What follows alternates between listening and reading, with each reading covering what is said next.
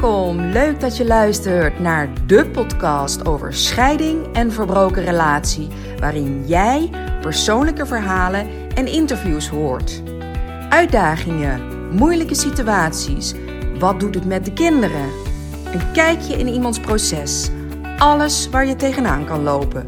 Ik deel het graag. Hoe pak jij je leven weer op na een relatiebreuk? Hoe kijk je weer positief de toekomst in? Hoe kan je met eenvoudige stappen houvast krijgen? Rust, vertrouwen. Dat is waar het mee begint. Ik heb er heel veel zin in.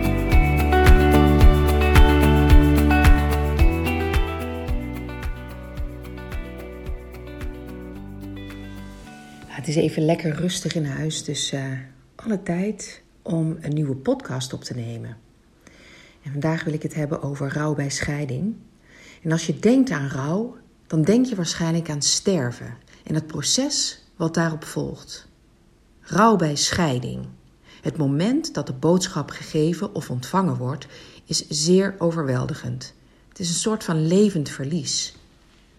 Je kan deze rouw ook al ervaren vanaf het moment um, dat je hebt besloten, of in ieder geval dat je hebt besloten dat je erachter komt uh, dat je misschien wel wil gaan vertrekken, dat je de keuze wil gaan nemen. Dus vanaf het moment dat je denkt: hé, hey, ik wil deze, ik kan niet meer verder in deze relatie, tot aan het moment dat je de keuze maakt, daar begint jouw rouw al.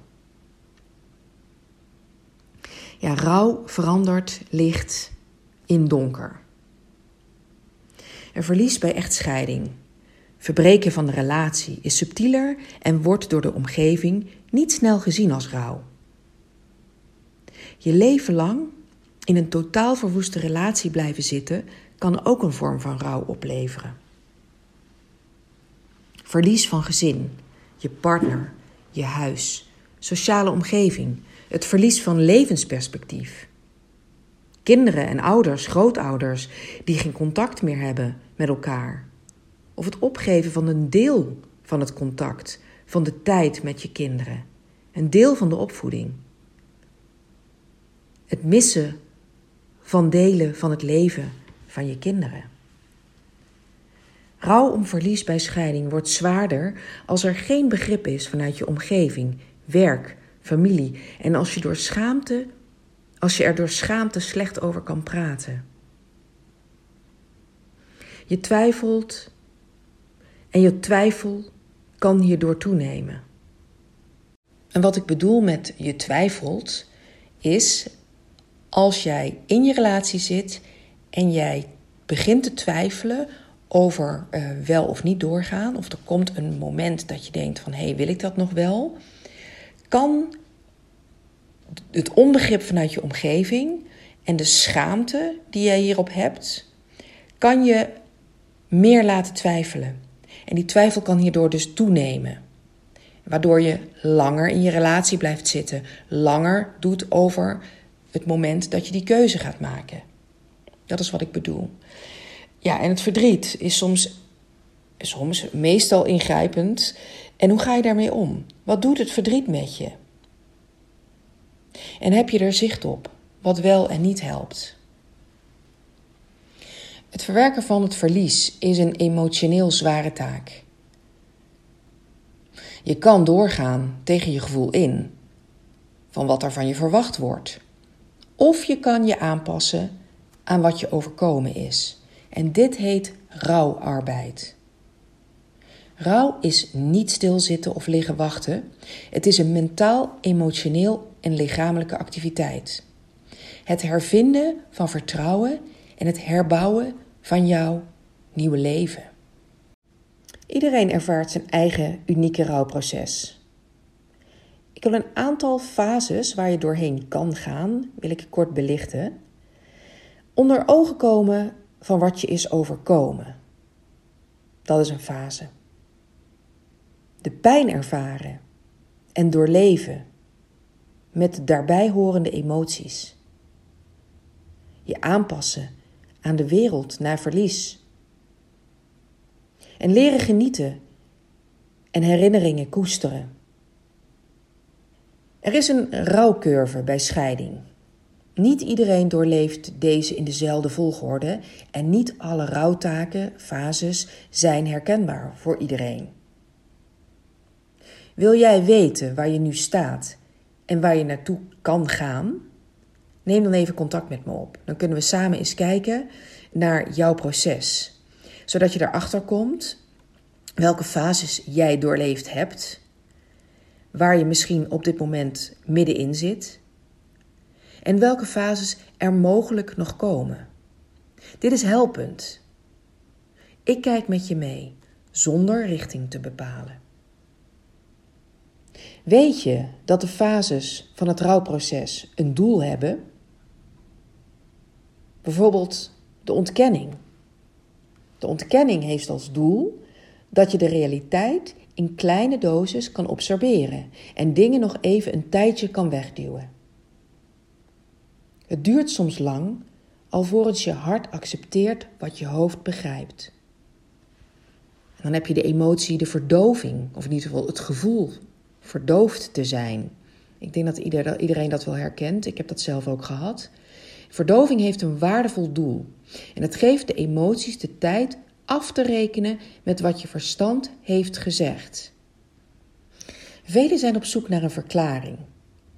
En waarom word ik verlaten? En waarom wil ik eigenlijk afstand nemen? Waarom wil ik de relatie beëindigen? En je hoopt dat je verdriet met de nodige steun of met de tijd minder wordt of voorbij zal gaan. Dit is niet altijd vanzelfsprekend. Echtscheiding. Het deels inleveren of geheel van de opvoeding van de kinderen. Afscheid nemen van het gezin en je oude leven. Dat mag gezien worden als rouw. Je bent in een abnormale situatie terechtgekomen. En dat heeft niets met jou als persoon te maken. Kan het zijn dat jij al je focus hebt liggen op wat verloren is? En dat je negatieve gedachten hebt die overheersen? Probeer eens te kijken wat er nog wel is, welke aspecten in je leven niet zijn verloren. Jij wilt gehoord, gezien en gerespecteerd worden. Je begrepen voelen dat er echt naar je geluisterd wordt. Wat je voelt, wat je beleeft. Want elk verdriet is uniek. Om met je rouw te kunnen starten, mag je eerst je verlies erkennen. Ik vraag me wel eens af: zou het kunnen zijn dat er emotioneel iets niet klopt als je in deze omstandigheden meteen over kunt gaan tot de orde van de dag. Geloof me, ook al blijft je verdriet over het verlies lang hangen, het is niet eindeloos en verpletterend. Wij zijn voldoende veerkrachtig hier bovenop te komen en dit in te passen in je leven. Kinderen doorlopen ook de fases van rouw, maar zijn afhankelijk van wat volwassenen erover weten. Als jij als ouder inzicht krijgt in je proces, als jij het gevoel hebt dat je gehoord en gezien en gerespecteerd wordt, dat je je begrepen voelt en dat er naar je geluisterd wordt. Als jij dat inzicht krijgt, kan jij dit meegeven aan je kinderen. Dan kan jij zien waar ze staan.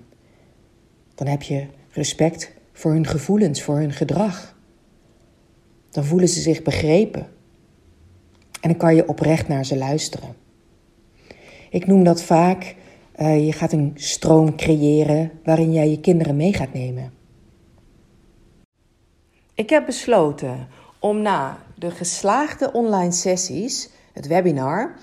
Um, waarbij ik op het laatst besloot in plaats van één grote sessie te geven, allen één op één te benaderen en de presentatie persoonlijk te geven. Hierdoor wordt het persoonlijker en er kwam er ook veel meer ruimte voor vragen en kon ik de antwoorden op maat geven. Ik merk dat er veel meer openheid ontstond En ehm, dat het contact intenser werd, waardoor ik ook veel meer waarde kon geven. Men voelde zich vrijer om vragen te stellen. En dit succes wil ik herhalen. Ik ga mijn presentatie dus opnieuw online geven, persoonlijk. Uh, waarbij we ook gaan kijken naar het verloop van jouw rouwproces. Uh, waar je al doorheen bent gegaan, waar je nu zit en mogelijk in bent blijven hangen. En welke fases er nog gaan komen. Sta je hiervoor open?